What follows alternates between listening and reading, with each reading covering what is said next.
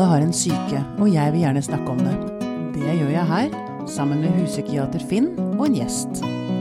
Dette er Pia på syke.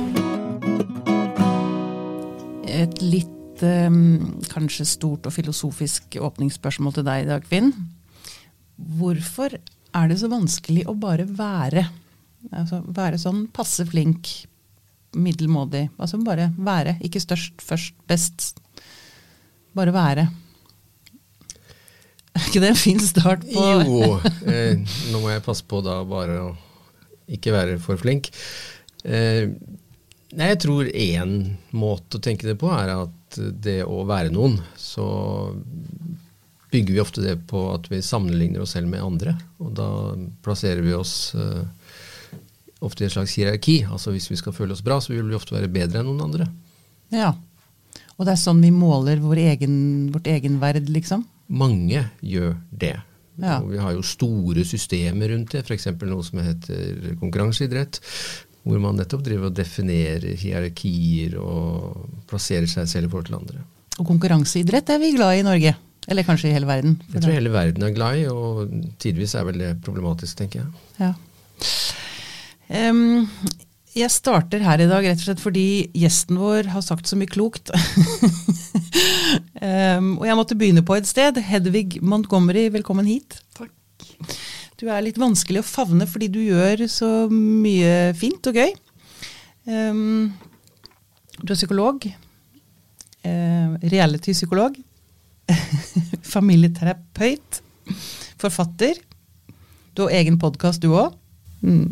Nei, den er ganske ny, da må jeg bare si. Jeg føler meg som nybegynner der, apropos. Jo, jo, Ja. men uh, det er altså, Det krever guts å være nybegynner òg. Det gjør det. Eller at du ikke skjønner helt hva du gjør. Ikke sant? Av og, til, av og til en kombinasjon av de to, tror jeg. Å våge det. Ja. Ja. Vi, um, vi må begynne på bøkene. Det er jo det Eller først så må jeg si, jeg har jo forsøkt å få tak i deg veldig, veldig lenge. Jeg, jeg ble klar over deg faktisk for mange år siden i eh, boka til um, eh, Skålmo og, og Å, nå står det stille. De to DN-journalistene. Um, Skålmo TV 2. og om TV 2. TV 2s eh, tiårsjubileum. Um, men um, nå har jo du vært veldig mange steder og snakket om disse bøkene dine, de fantastiske bøkene som har fått så utrolig mye skryt. Og solgt i 26 land. Ja, jeg tror bare det er 23, altså. Oh, ja, ok. Ja, det var jo ingenting. Ja, foreldremagibøkene. Mm. Eh, jeg må jo si at det var noe som lå så lenge i meg at når du jobber både med familier, men også med voksne, så er det så ofte du ser altså hvor mye matematikk det er i psykologien vår. Hvor mye som handler om helt enkel logikk. Hvor du kommer fra, hva du har møtt, hvem du er. Summen har noen ting å si. Ja. Og det er klart, hvem du er, hvilken genetikk du har, det får vi ikke gjort noe med. Det er noe av det vi må alle lære oss å leve med, på godt og på vondt. Men hvordan du er blitt møtt, og hva, hvordan det er blitt håndtert når ting har vært skikkelig skikkelig vanskelig, det betyr noe for hvordan du har det her og nå. Ikke sant? Så etter å, og spesielt når du jobber med reality, så blir jo dette veldig åpenbart. Fordi det handler jo om å gjøre vurderinger, apropos. Eh, klare å forutse noe. Hvordan vil det gå med deg når vi tar deg ut av ditt liv og setter deg inn et helt nytt sted? Eh, da må du bli god i å, å skjønne denne matematikken. Og på et eller annet tidspunkt så kjente jeg at jeg har lyst til å gi noe tilbake. Jeg har lyst til å si noe om hva er det du kan gjøre tidlig nok til at summen blir god Ja. nok. ja. Ikke eh? Når du sitter der som voksen. Fordi at den summen er god nok. Det er det som gjør at du blir Ja, får den plassen i samfunnet, får den plassen i flokken, som gjør at, eh, at det hele går rundt. Mm, nettopp. Em, det jeg tenker som da voksen, um, som ser tilbake på barndommen og tenker at der var det vel ikke alt som var helt som det skulle. Det, det er litt sånn sårt å merke og høre all fokuset barn får i dag. Det er, det er helt fantastisk, bare for å ha sagt det, for de barna som vokser opp i dag. At de får så mye rom, at det er så mye oppmerksomhet, at man forstår dem så mye bedre. Men det er sårt som voksen å sitte og tenke at ah, shit, jeg skulle ønske jeg liksom var født i dag. Mm. Det er ofte når jeg har vært ute og snakket at det utløser eh, mange tilbakemeldinger nettopp fra godt voksne Ja. som sier at 'nå skjønner jeg'. Hva det var som skjedde med meg. Eh, Sånn at det, det, det plasserer den puslespillbrikken i Mm. hva er det som har gjort at det har vært så vanskelig for meg å få tak i følelsene mine. Hva er det som har gjort det så vanskelig for meg å stå for det jeg mener? Hva er det som har gjort det så vanskelig for meg å sette grenser når andre har villet ha noe av meg? Ja. Plutselig så har puslespillbrikken falt litt ned. Ja. Eh, men det er klart du har rett i det, fordi vi hadde et helt annet syn på barn. Og det er ikke lenge siden. Jeg syns det også er et interessant poeng, fordi vi ser på den måten vi oppdrar barn på nå, som den eneste riktige. Eh, Vi ser på den som nærmest naturgitt, og vi blir full av forargelse når folk fra andre kulturer eller andre land, som ikke er der akkurat nå, gjør det på en annen måte. Ja. Eh, og vi ser på det som umenneskelig, og vi ser på det med fordømmelse. Men sannheten er at det er ikke lenge siden vi selv har gått, altså vi har gått denne veien til dit vi er i barnesyn i dag, på ganske kort tid. Ja. Ja, for blant annet så husker jeg da, jeg da jeg var liten, så trodde man jo egentlig at barn ikke følte noe særlig. Det det er ganske radikalt, som Hedvig sier, hvor fort man har endret syn på dette. Altså ikke bare følelser som følelser, men også følelser som smerte. Altså en gang i tiden, som ikke er så mange tiår siden, så kunne hende at man ikke ga lokal anestesi til et barn. eh, Fordi man trodde på en måte at de ikke følte. En veldig viktig revolusjon i forståelse av barn kommer etter annen verdenskrig, og det handler en del om annen verdenskrig, for at i England ikke minst, så for å beskytte barna mot Hitler, så ble mange av de sendt på landet i barnehjem. Altså de ble tatt vekk fra foreldrene sine. Og så så man at dette var kanskje ikke en så god idé. Kanskje det hadde vært bedre om de hadde vært sammen med foreldrene sine, fordi at dette dette blir separert og få begrenset med kontakt viser seg å være veldig skadelig. Og Det var på en måte begynnelsen på en stor stor tradisjon som vi kaller tilknytning. Ja. Eh, trygg og utrygg. Og den gang jeg studerte medisin, så fantes ikke det ordet. Og i dag så er det kjernepensum eh, i en rekke rekke utdannelser, og det er et språk vi bruker for å tenke hvordan barna skal ha det godt. Ja, For det er vel kanskje noe av det viktigste, om ikke det viktigste, tilknytning. Å føle at man hører til i flokken. Mm. Første kapittel i hver av foreldremagibøkene heter 'Båndet', og handler om eh, hvilke grep du må gjøre i forhold til eh, de forskjellige aldrene. For det er klart det er jo forskjellig å oppdra en ettåring og oppdra en tolvåring eller en 16-åring. Så, så jeg begynner der. For før du har denne kontakten, kan du ikke oppdra noen som helst. For, for du oppdrar i trygghet. Du lærer bort i trygghet, og dette båndet er tryggheten. Mm. Mm. Og så kan vi innenfor fag som psykologi og psykiatri så kan vi bruke masse vanskelige og krevende ord, og vi kan bruke diagnoser osv. Men jeg tror de enkle ordene trygg, utrygg, det vekker gjenklang hos alle. Det Det er sant. skjønner alle hva handler om. Ikke sant? Mm. Men, og da må jeg bare spørre, når man da som voksen føler seg utrygg og uten tilknytning, og ikke føler at man hører til i flokken, hva, hva gjør man da? Dette er, så, dette er så vakkert, faktisk. Jeg er veldig glad for at du stiller det Å, spørsmålet. hurra! Fordi hjernen er i endring hele livet. Det er en av de tingene vi vet nå. Det bygges nye veier, nye forbindelser hele tiden. Og det betyr at kjærlighet endrer hjernen hele livet. Nærhet endrer hjernen hele livet. Så vi ser at det å få den ene relasjonen betyr ting på ordentlig. Og det er, det er, dette er jo ting vi egentlig i terapi hele tiden på én måte har skjønt. Mm. Nemlig at får du til den ekte kontakten, den ekte opplevelsen av å bli forstått, Mm.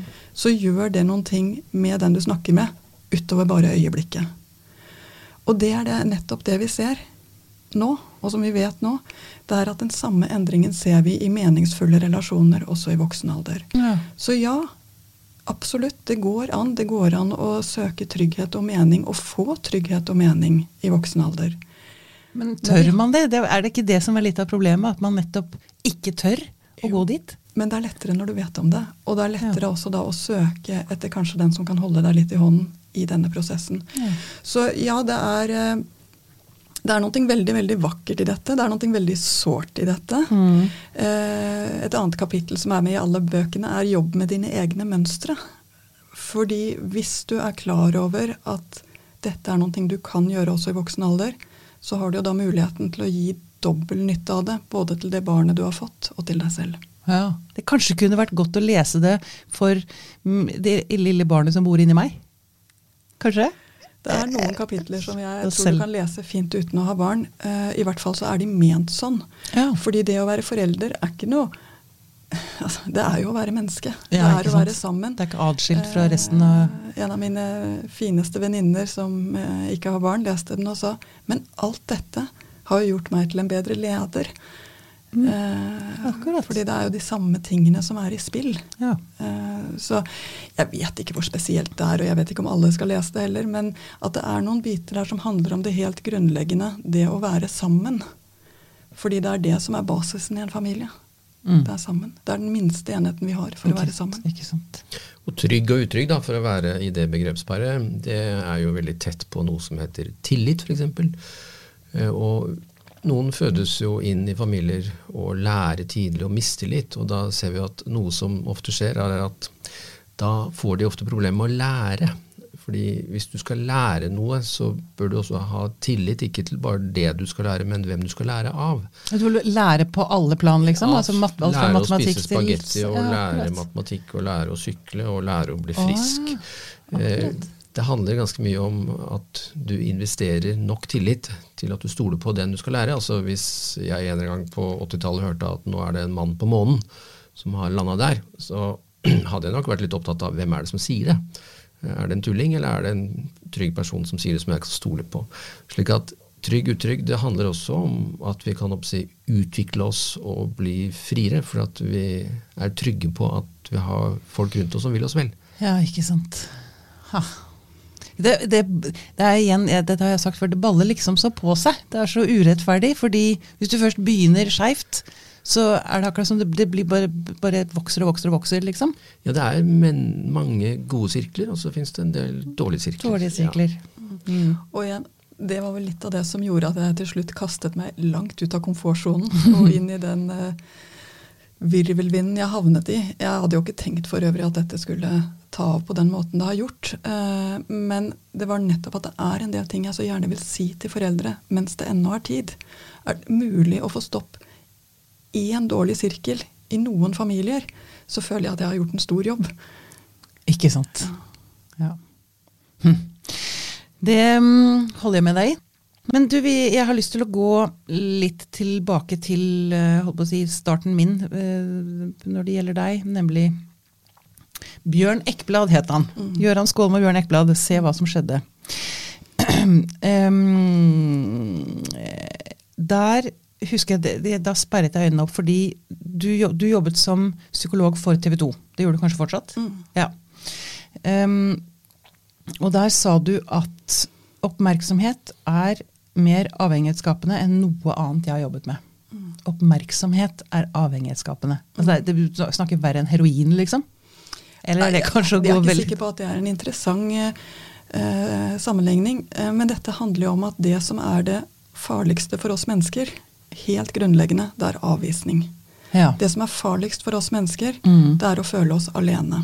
Mm. Og hvis du får veldig mye oppmerksomhet i en periode, du får masse SMS, du får mange som ringer, du har mange som er interessert i hva du mener om både dette og hint, Mm. så gir det deg en opplevelse av masse kontakt. Og når det da plutselig blir stille, Så så slår faktisk avvisningsmønsteret ditt inn. Ja. Eh, og avvisningsmønsteret igjen utløser alt annet av tilbaketrekningsfølelser. Skam, f.eks. Mm.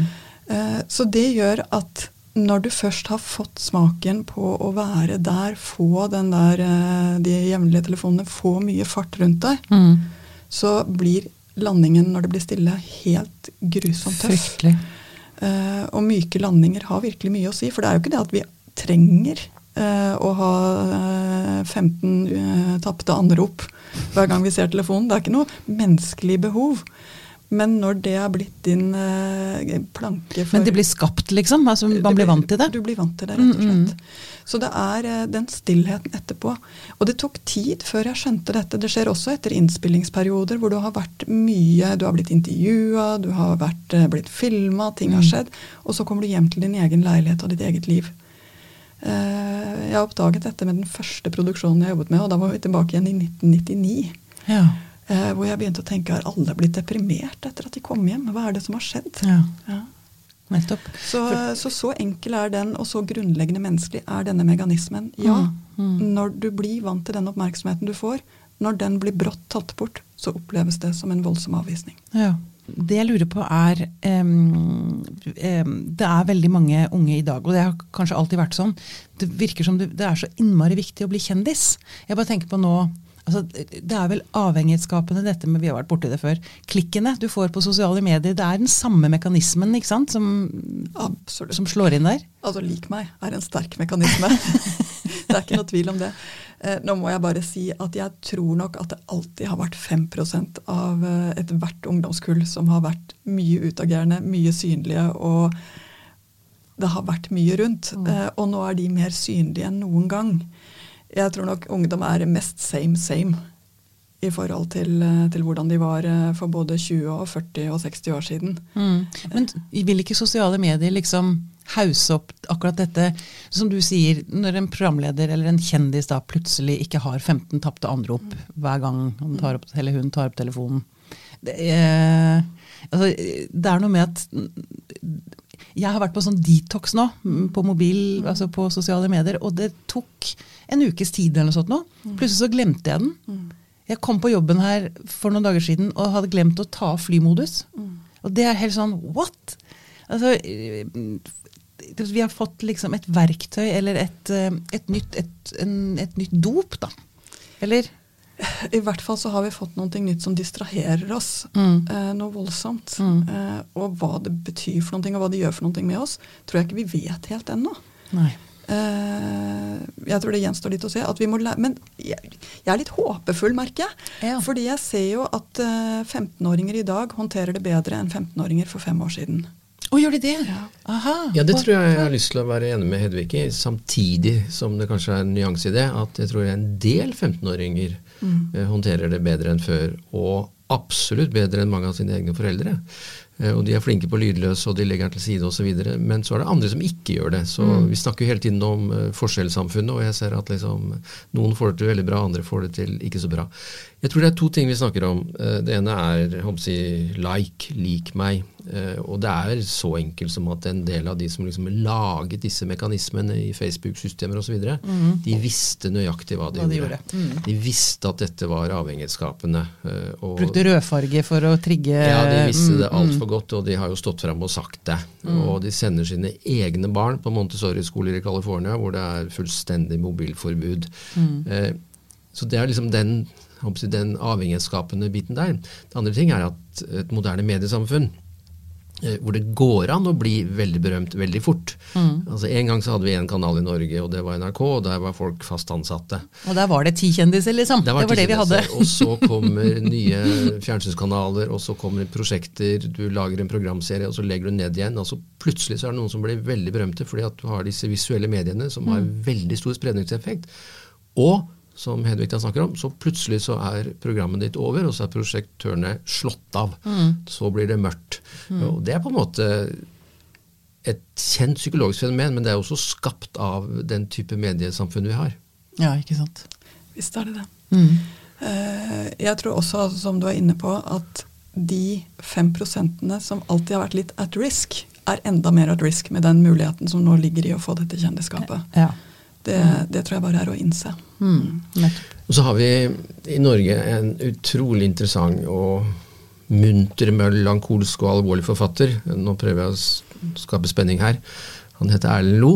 Ja. Eh, Han blir 50 år denne måneden her. Eh, Og jeg har snakket en del med han eh, om dette med kjendiseri, f.eks. Og et av hans poenger er at folk var gjerne kjendiser før fordi at de hadde gjort noe. Altså stort sett gjort noe bra, eller så hadde de gjort noe som ikke var så bra. Altså De var blitt veldig synlige. Altså Det var noen meritter bak det. Det var liksom enten å gå til Nordpolen eller begå drap. Ja, mens mange kjendiser i dag er jo egentlig kjendiser uten å ha gjort noe særlig. De har bare vært Altså, veldig de er på skjermen. kjendiser fordi de er liksom. kjendiser, fordi de synes. Eh, og det kan jo av og til også ha litt også å gjøre med den ballasten de da bærer på. Eh, mange bloggere Ja. blir jo veldig fort kjendiser uten egentlig å prestere så veldig mye interessant blogging. da. Ikke sant? Men de selger varene sine og tjener penger og får plutselig fame. Eh, Ja. Så det er kanskje noe med robustheten også hos en del av disse som eh, blir plutselig kjendiser. Det er jo dette som er Hedvigs arbeidsfelt. Ikke sant? Men fordi det betyr vel da at Eller er man ekstra sårbar for denne, dette dopet hvis man da ikke hadde god tilknytning som liten? Henger det, ser, du sammenhenger, ser dere sammenhenger der? Det er klart at det, Nå snakker vi om Eller? veldig mange medier på én og samme gang. ja, ja. Eh, men jeg ser at den risikoen for dem som er litt fritt, eh, litt båt uten anker som 15-16-åringer, eh, mm. de kan kaste ut ankeret sitt helt feil med den muligheten som ligger i, blogging og oppmerksomhet. Mm. Det ser jeg absolutt. Mm. Og jeg ser også at foreldre der er litt naive. De som kanskje burde ha stolt minst på barna sine, de som absolutt mest burde ha trukket barna sine til seg og spurt hvordan går det, hva har skjedd, eh, de er det som sier nei, klarer, hun klarer seg så fint. Eh, okay. For, fordi at nå, nå, nå, skjer det så mye rundt henne. Ah, ja, sånn, at, sånn, at, logikken blir helt feil. Ja. Eh, det å, å holde på sine barn hele veien ut, det å være genuint interessert i dem hele veien ut, er en veldig vesentlig del av foreldreoppgaven. Ja. Mm. Men du, når du da du jobber da med å, å si, preppe reality-deltakere, eller hva heter det eh, altså, Sjekke om de egner seg for eh, Eller? Altså, dette kan man jo alltid holde på å vri og vende på. Jeg, på, på sitt aller beste så er jeg med på å få deltakere som både tåler det, og som er det kanalen håper på til ja. akkurat det programmet. Og Det er klart det er stor forskjell på å, å, jobbe med et program som Luksusfellen og å jobbe med et program som Farmen. Altså det, er, det, er, veldig forskjellige drivere i dette. her. Det er veldig forskjellige ting som får folk til å søke. Søker du ut fra overskudd, eller søker du ut fra nød? Søker du, altså det, er så, det er så veldig forskjellige ting som, som er i spill. Eh, og det er også helt klart forskjell på kanaler og, og produksjonsselskaper. Jeg prøver etter mitt aller beste, og det er ikke noe lett, men jeg prøver etter mitt aller beste å sørge for at vi som psykologer er genuint til hjelp for dem som vil inn i dette og går inn i dette. Ja. Og jeg prøver genuint å fraråde dem som ikke bør gå inn i det, sånn at uh, de slipper unna den ubehageligheten der og gå inn i noen ting de tror de vet hva som er, men som alltid viser seg å være helt, helt annerledes. Men hva er, hva er klassiske faresignaler da, som du ser, liksom? Altså, du kan på mange måter si at uh, vi Det vi gjør i, uh, i screeningintervjuene det kommer, altså det kommer igjen an på hvilket program det er. Mm. Du må huske på at dette er veldig forskjellige programmer, og jobben vår er veldig forskjellig ut fra mm. hvilket program det er. Mm. Men vi prøver etter beste evne å se nettopp etter denne kontakten. Kontakten med seg selv? Eller, ja, eller kontakten med, med både seg selv og verden der ute. Har du klart å slå opp et telt i livet ditt? Oh, ja. ja. Eh, har du noen teltplugger der ute som er noe annet sted enn i, i løs leire? Ja, akkurat. Eh, så veldig mye På mange måter er det vi ser etter, det er foreldremagi omvendt. I omvendt rekkefølge. Det skjønte jeg ikke. Vi ser etter uh, Har det blitt en teltstang i midten her som er solid og som bærer? Ja, akkurat. Er det blitt noen plugger der ute som fester i noe, som gjør at du har venner, du har uh, et liv, du har noe å komme tilbake igjen til? Mm. og jeg må si at det som har vært fantastisk for meg som psykolog med denne jobben, som jeg faktisk har gjort helt siden slutten av 90-tallet, det er at jeg har snakket med så mange hundre som ikke har kommet til meg som psykolog, men som lever livene sine, som ikke søker hjelp. Ah, akkurat, så det har gitt meg en helt enorm bredde av hvordan jeg skal snakke med folk som ikke kommer til meg som hjelpesøker, hva jeg skal se etter, eh, hva det, deres liv handler om, og også hvor utrolig mye større spennet er enn det vi, vi ser i et behandlingsøyeblikk. Ja. Eh, så jeg er veldig takknemlig rent faglig eh, for, for det nettet dette har gitt meg til å ja. fange opp historier, fange opp måter å tenke opp og fange opp livet, rett og slett. Ikke sant? Og kanskje, eller jeg lurer på nå, jeg bare kom på noe Finn sa. altså du, Finn, sitter jo veldig ofte med, eller alltid kanskje, med mennesker, unge mennesker gjerne, som har det fryktelig vondt. Det gjør ikke du, Hedvig. Altså, jeg, jeg, opplever kanskje at hverdagen til Finn eller at det oppleves som litt tyngre da, kanskje for deg. Eller litt vondere, eller litt eller Ja, det kan vi helt sikkert si. Jeg pleier av og til å si at uh, ikke spør meg om normalitet, for det har jeg ikke noe særlig greie på. Ikke sant? Men, uh, som selvfølgelig er å kokettere litt. Uh, men det er jo sånn at man kan sitere Freud og si at vil du vite noe om normalitet, så kan du gå til ytterligheter. Altså Du kan gå til sykeligheter, men du kan også ja. gå til andre ytterligheter. F.eks. det å skulle vurderes for et uh, reality-program. Altså Ved å gå til forskjellige deler av det menneskelige, så lærer du forskjellige ting. og ja. Til sammen så kan det bli et ganske interessant og viktig bilde. Ikke sant? Er du litt misunnelig på Hedvig? Nei, Egentlig ikke, fordi jeg driver med mye av det samme, men ja. på en litt annen arena. Okay. Eh, jeg er psykiater for Olympiatoppen. Det har jeg vært i 20 år. Så mens Hedvig driver med den type berømtheter, så møter jeg på en del andre som har problemer når de ikke kommer på pallen, og når karrieren er over, og osv. Mm. Det er veldig parallelle tematikker. Veldig mye likt. Mm. Mm. Så eh, ja, masse likt. Men jeg tror at skal man holde ut som terapeut over tid, så tror jeg faktisk det å drive vekselbruk er ganske nyttig. Ja. Fordi det vi sitter med i behandling, som jeg også gjør, det er hele romaner i én time hver eneste time. Mm. Det er så fortettet, det er så mettede historier. Mm. Eh, og det gir ikke det, det, er fantastisk meningsfullt. Jeg elsker det. Jeg kommer alltid til å drive med det. Så lenge jeg har uh, hukommelse, i hvert fall. Mm. Eh, men uh, du trenger noe annet for å orke.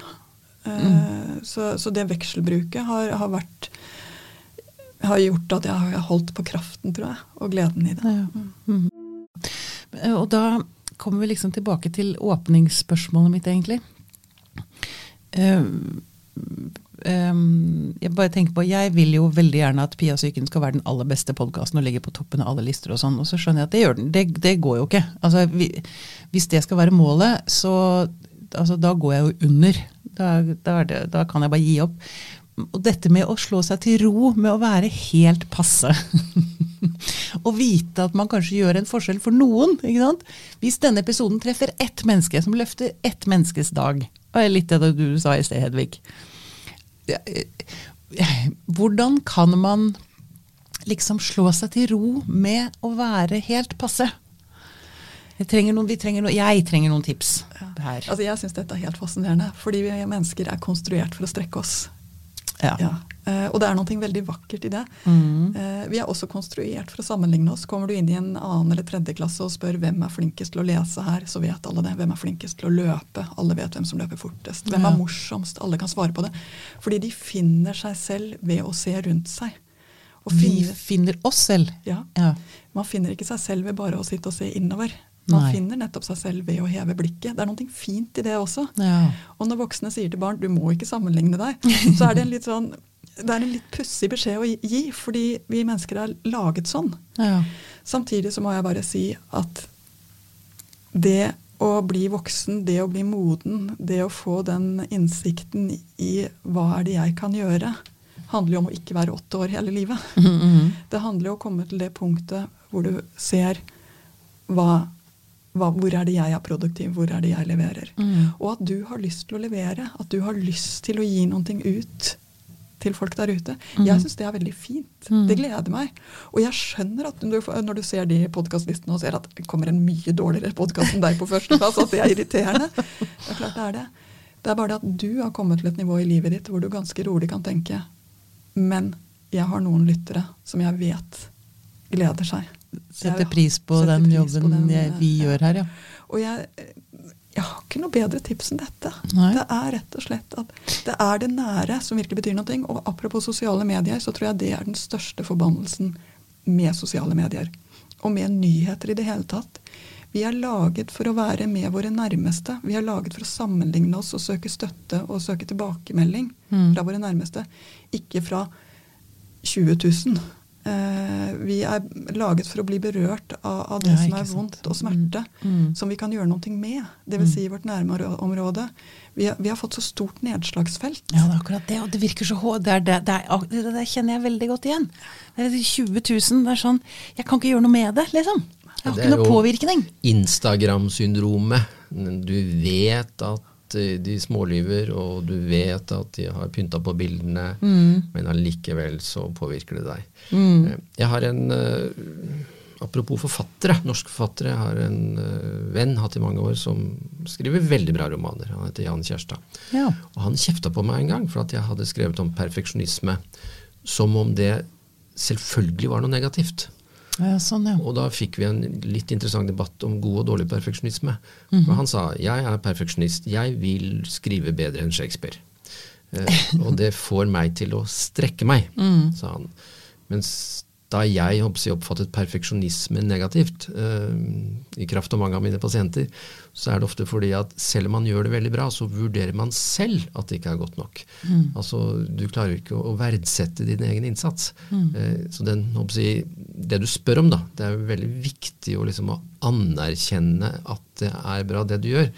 Samtidig som Hedvig sier, det er jo slik at vi er laget også for å strekke oss. Altså, Ja. Å ha ambisjoner er ganske viktig rent menneskelig. Ja, men og, her, er, her begynner jeg å ane en eller annen sånn For det jeg tenker, jeg kunne jo fått mer klikk f.eks. hvis jeg kledde av meg. Men det er jo ikke å strekke seg. Det, det er der den fella man kan havne i, da. Det er ikke sikkert det hadde virka på radio. Pia. Nei, jo nei, men på Instagram og sånn. Det er bildene jeg legger ut. På radio. Det, det hadde ikke hjulpet nå, det er jeg enig i. Her i studio så hadde ikke det hjulpet noe særlig. Ja, Men men da hadde vi jo virkelig fått at det gjaldt på nærområdet. da. ja, det hadde kanskje skjedd en, et skifte på en eller annen måte her inne. Men utad, ikke sant, når jeg skal presentere dette ut, ikke sant, velge fint bilde og sånn. Ehm, det, altså det, det er den fella man kan fort gå i. At man, man strekker seg ikke for å bli bedre, man strekker seg, man gjør bare rare ting for å få mest mulig klikk, fordi det gir dopet. Altså, jeg må jo si at jeg tror det eneste som hjelper mot den negative perfeksjonismen og den negative strekkingen, er nærhet. Ja. Det er de nærmeste relasjonene. Det er å holde på de som virkelig betyr noe i livet ditt. Mm. Som gjør at du har den forankringen. Som gjør at du kanskje også tåler de klikkene eller ikke de klikkene. ja. Flere teltplugger. Flere teltplugger. Rett og slett. Mm. Eh, det er litt i samme leia. Det, det er en ting som jeg også har tenkt på. Um, uh, mennesker som uh, i kraft av sin posisjon får veldig mye oppmerksomhet, blir invitert mange steder og sånn. Og så plutselig så mister de jobben, eller slutter i jobben, og så tror de at de vil være fortsatt like populære, like, få like mange invitasjoner og sånn, men det skjer jo ikke. Og da står vi i samme problemstillingen. Eh, da, da mister man igjen den derre Jeg, syns det er så rart at ikke man ser det selv, at man, ikke er, at man ikke forstår at det er bare rollen jeg spiller. Jo, men det store menneskelige fallet eh, har vært et tema i all litteratur så lenge vi har hatt litteratur.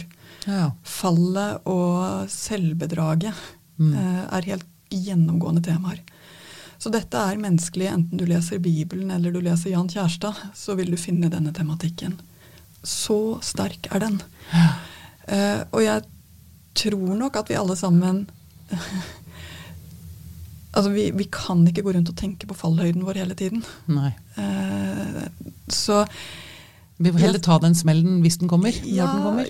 Jo, på en måte, men så kan jeg også si at vi er jo ikke noe i tvil om hvem dette går hardest utover. Uh, og det er uh, tradisjonelt menn uh, med lite kontakt med egne følelser. Eh, Man er mer utsatt hvis man ikke har Hvis man ikke har språk for det og nærhet til, til å kunne snakke om det, uttrykkende dele. Altså Følelser er så mye, og en av de tingene følelser er, er kommunikasjon. Mm. Og når du ikke har den eh, kanalen, så vil du snu allting innover når det går dårlig, og det er da vi får den store, store selvmordsrisikoen. Mm. Så jeg vet at det, det kan høres litt eh, Men det, det å sette barna i kontakt med seg selv, lære dem å faktisk stoppe opp og kjenne etter hvordan har jeg det på ekte, og kunne si ett eller to ord om det, Mm. sånn at det er delt, Mm. det er noe av det mest livsbevarende vi har.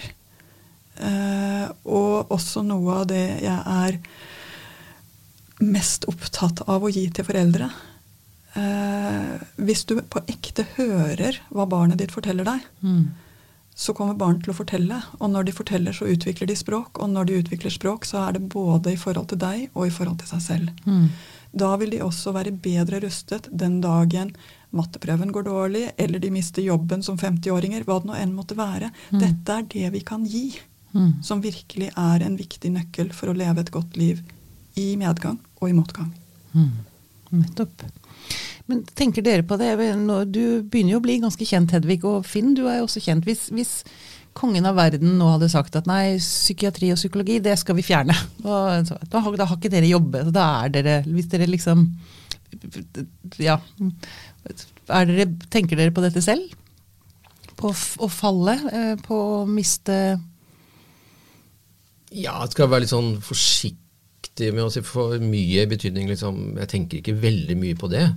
Eh, men si, hvis man som vi to da beveger oss litt i mediale verdener, eh, så har jo det sine absolutte gleder. Men du merker jo liksom bivirkningen også av det. Eh, det er også en type sårbarhet, og av og til så angrer man på at man har rota seg hit. Men man fortsetter gjerne, da.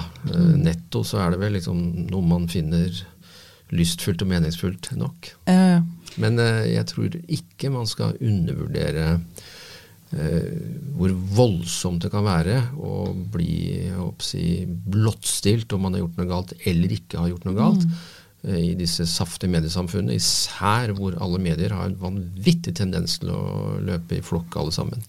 Ikke Vi hadde sant? jo en slags debatt da en tidligere minister i Norge, helseminister Tore Tønne, tok sitt eget liv. Mm. Jeg tror ikke folk helt skjønner prisen ved å bli hengt ut på seks forsider samtidig. Nei, ikke sant. Altså det, det er helt åpenbart at folk at det ikke skjønnes. Og vi har jo Virtanen som nettopp har kommet med sin bok eh, om sitt enorme fall fra å være en av de største spaltistene til Ja. å være komplett skjøvet ut i kulda i det svenske samfunnet. Vi har jo kommet inn i et samfunn som er veldig lite tilgivende. Mm. Det å gjøre dumme ting, som vi alle gjør. Eh, og jeg må vel si at jeg vet ikke hvordan det er med deg, men det hender at jeg tenker etterpå at der ble jeg for skarp, eller der var jeg ikke gjennomtenkt nok, eller Mm. det ble feil fremstilt det som kom på trykk, eller som kom ut på eteren. Mm. Uh, og ja, man merker jo hvor mange det er som er litt ute etter å ta den som har kommet frem også. Uh, du plasserer deg selv i en sårbar posisjon. Jeg er veldig lite opptatt av, det må jeg nok helt ærlig si, kanskje fordi jeg er litt av Det jeg er genuint opptatt av, for å begynne der, det er å få formidlet noen ting som jeg virkelig tror kan gjøre verden til et bedre sted. Og, og så eh, nesten, jeg, Når jeg hører det, så tenker jeg hæ, er du helt selvhenført? Tenker du at dette kan gjøre verden til et bedre sted? Ja, jeg tror det kan være- gjøre en forskjell for mange nok Mm. eh, til at det er verdt den prisen der. Men per i dag syns jeg egentlig prisen er for høy. Allerede Ja. her og nå. Mm. Ja, for ja, altså, en ting er uh, hvis man liksom gjør noe dumt, altså hvis man havner i en situasjon som da Tore Tønne, uh, eller andre vi har sett. Um, men også, ikke sant, jeg vet jo at hvis man mener noe ute i sosiale medier, så kan du, altså mener du noe feil, så kan du få et vanvittig kjør mot deg i kommentarfelt. Ikke sant? Journalister og kommentatorer og altså og det er, bare, bare det kan kreve virkelig sin kvinne eller mann altså, å stå i. Og få liksom, Twitter-stormer eller altså, Jobber du noe med det òg? Ja da, altså vi har hatt nok av av, eh, disse sakene på kontoret. Eh, og det å, men det vi gjør, det er å slå ned teltplugger. Ja. Ja, det er det vi gjør. Vi jobber helt, helt, helt banalt nedpå. Ja, nå trenger du igjen å få eh, noen nær deg. Mm. Eh, og det å bygge opp igjen nærhet. fordi det som skjer når folk havner i en skamsituasjon, det er nettopp at de trekker seg unna. De gjemmer seg. ja. Og det å gjemme Ja, seg sant. Det er det verste man kan gjøre, det. Må det være, kanskje. Ja, det er fullt forståelig. Mm. Eh, men langtidseffekten av det er jo at du ikke har noe liv. Ja. Eh, og langtidseffekten av det er en selvbebreidelse som er livstruende. Mm. For det blir selvforsterkende òg, det der. Hvis man går alene, så får tankene fart og kraft og vokser seg store og deilige. Ja, språket vårt er eh, ganske svakt, syns jeg, for at veldig mye av det vi snakker om når det gjelder å være et menneske, handler om liksom det indre og individet. Men altså et menneske, og dette er veldig fint å høre på Hedvig, syns jeg, som hele tiden snakker om koblingen til andre nære.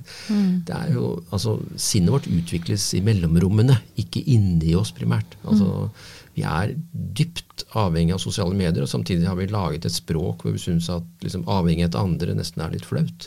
Ja. Vi bør kanskje liksom være litt sånn stolte av dette. Jeg har jobbet i ungdomspsykiatrien i ti år. Og så fikk vi opp til Sogn eh, en indisk barnepsykiater som skulle lære litt om vestlig psykiatri. Og så leste han bøkene våre da om at liksom første fase av livet så er barnet symbiotisk med moren, og så kommer de årene, og så kommer tenåringsfasen.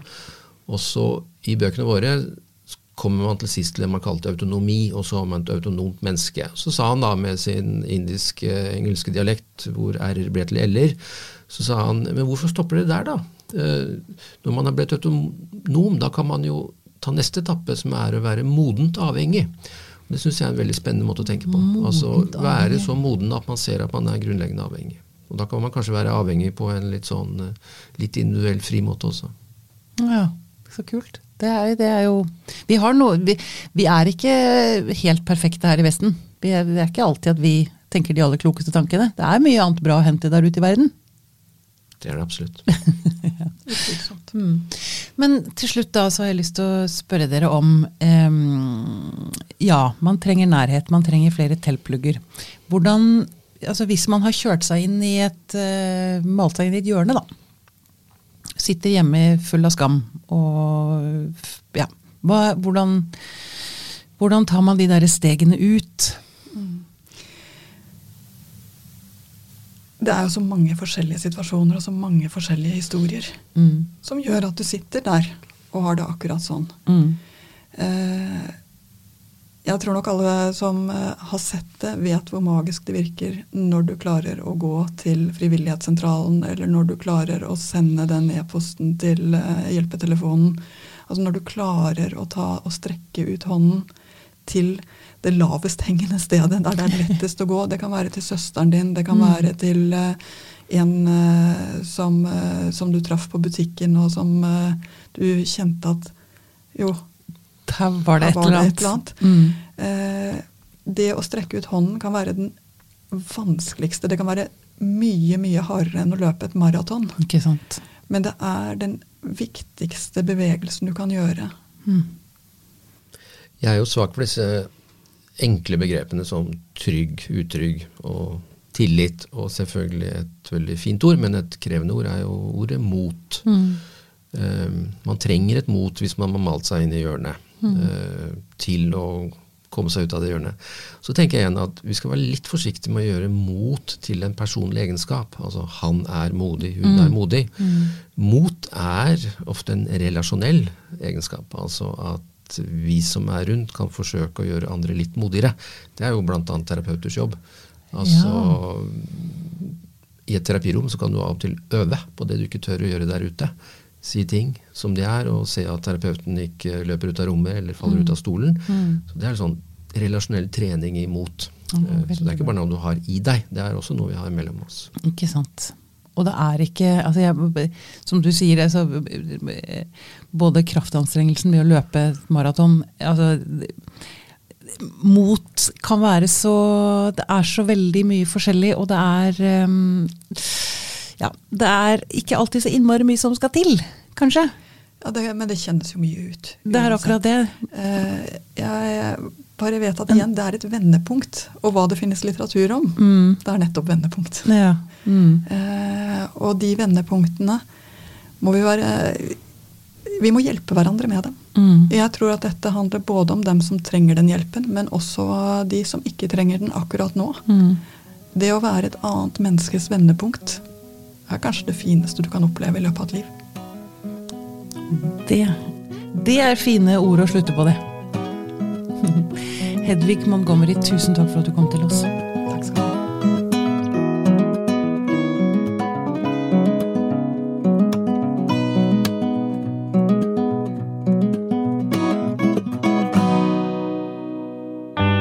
Denne podkasten er produsert av Tid og lyst. Med støtte fra stiftelsen Kåre Berg.